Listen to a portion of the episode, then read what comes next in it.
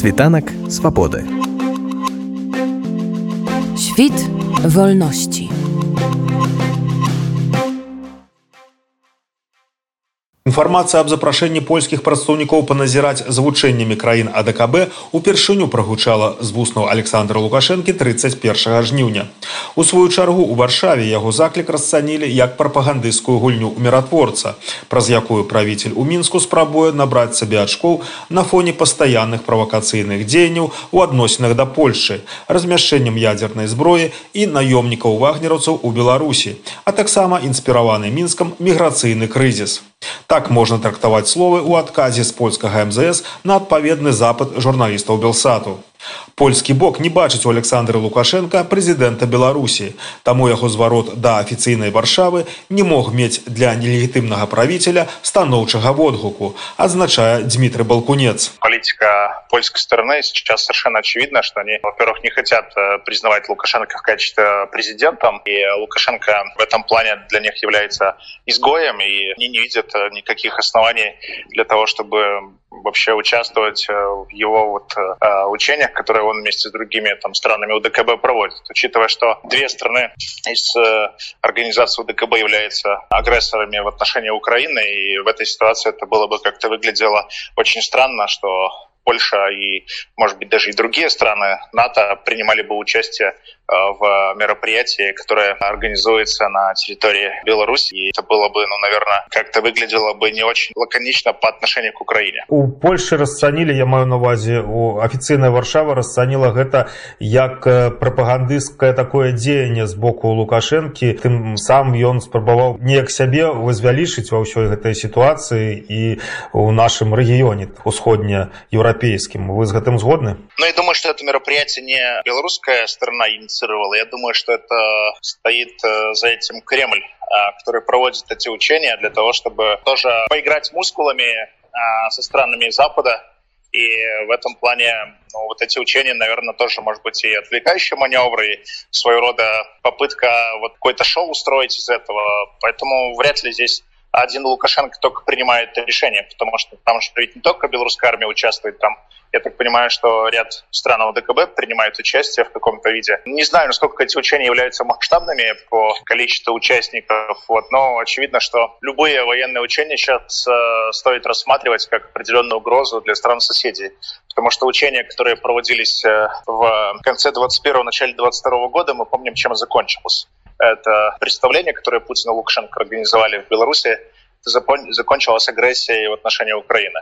И поэтому любые сейчас э, движения, передвижения военной техники, войск и прочих стоит э, реально рассматривать как реальную угрозу, которая исходит от Путина и Лукашенко, и они могут э, пойти абсолютно любые провокации на границе во время учений. Поэтому всего можно от них ожидать. Но я абсолютно убежден, что с ними были бы диалог а вести бесполезно, потому что они неадекватные Беларускі бок зараз не хоча ісці на эскалацыю адносін з Польшай і павышэнне градусу супрацьстаяння, кажа Валер Карбалевич. Такую выснову ён робіць, аналізуючы сам факт запрашэння, а таксама заяву міністра абароны Беларусі Віктора Хрэніна пра тое, што нядаўні інцыдэнт з нібыта перасячэннем беларускай мяжы польскім верталётам быў выпадковай памылкай пілотаў, а не нейкай наўмыснай правакацыяй. Ну і дзяржаўныя мэды як бы не моцна нагнятаюць напружанасць беларускія дзяржаўныя мэды Ну і былі пэўныя заявы лукашэнкі што мы готовы да, да дыялогу да, да нармалізацыі адносін Ну але ўсё гэта выглядае даволі супярэчліва, таму што калі казаць пра э, гэтае запрашэнне, то тут такая дзіўная сітуацыя. Пра гэтае запрашэнне мы даведаліся з публічнай заявы Лукашэнкі на паседжанні рады бяспекі 31 жніўня. А ну і польскі бок пацвердзіў, што такое запрашэнне прыйшло.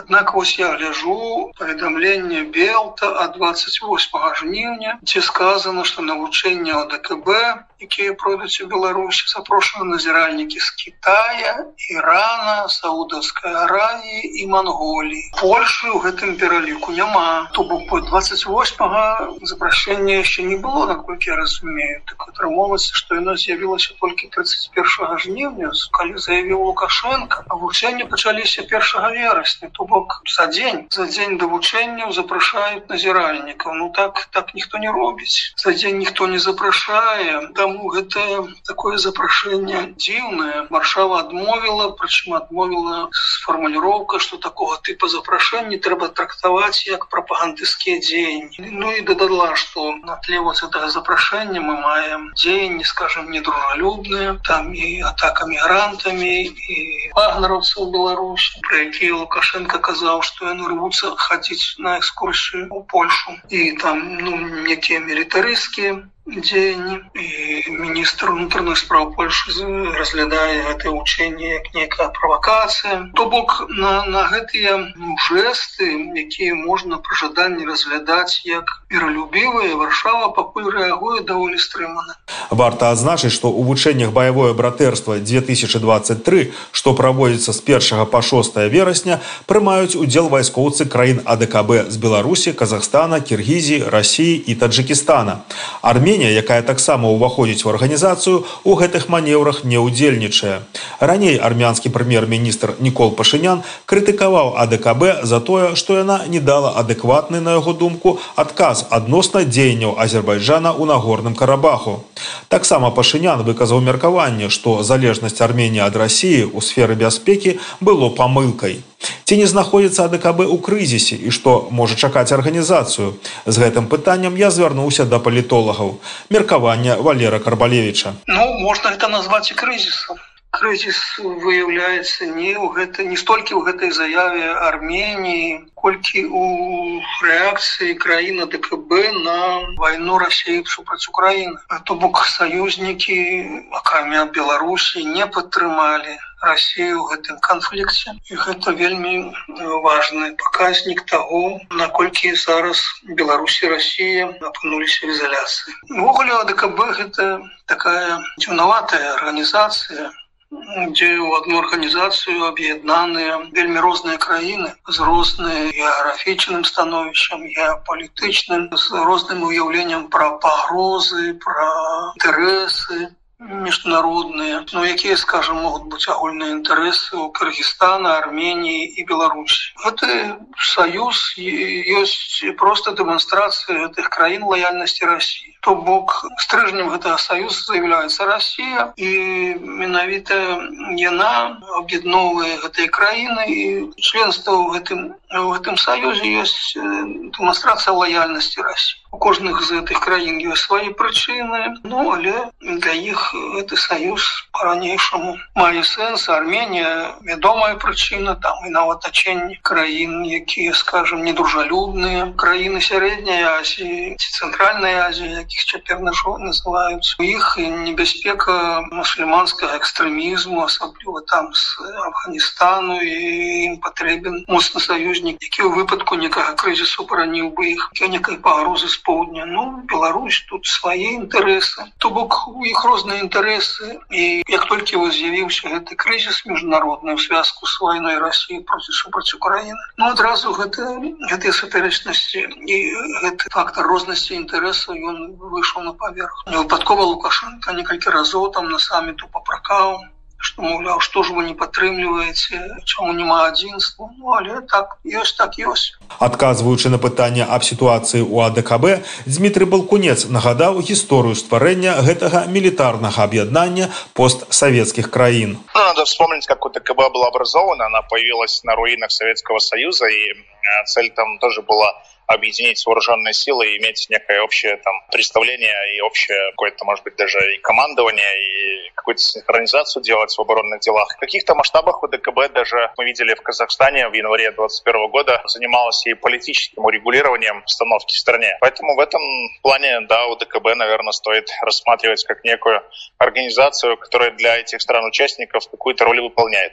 Очевидно, что главное ядро УДКБ — это Российская Федерация, и даже если страны некоторые захотят оттуда выйти, то это сделать будет не так просто, учитывая определенное влияние, которое Кремль оказывает на эти страны, вышеназванные и Казахстан, и даже Армению. Поэтому как бы они могут заявить о своем желании выйти. Вопрос, как они это сделают практически, потому что в этом случае будут возникать к ним уже претензии. Но перспектива УДКБ, ну, очевидно, что организация Э, в каком-то виде будет существовать, роль ее и влияние очень на сегодняшний день сложно предсказать и оценить. Но, на мой взгляд, после событий февраля 2022 года Беларусь должна выйти из всех военно-политических союзов Российской Федерацией, потому что Россия нарушила обязательства, которые она имела в отношении с Республикой Беларусь, потому что с территории Беларуси без какого-то разрешения белорусских граждан, а даже без разрешения официальных органов власти Беларуси, без парламента, была совершена дерзкая агрессия в отношении независимого государства. И это было, я считаю, нарушение межгосударственных соглашений, которые были подписаны между Республикой Беларусь и Российской Федерацией. В этой ситуации оказалась соагрессором, соучастником преступлений, которые совершила Россия. И в этой ситуации находиться в военно-политических союзах с Россией, я считаю, абсолютно бессмысленно. И любое демократически избранное правительство в будущем в Беларуси поставит вопрос о выходе Беларуси из УДКБ. Но это вопрос,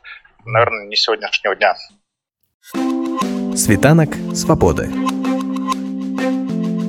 Świt wolności.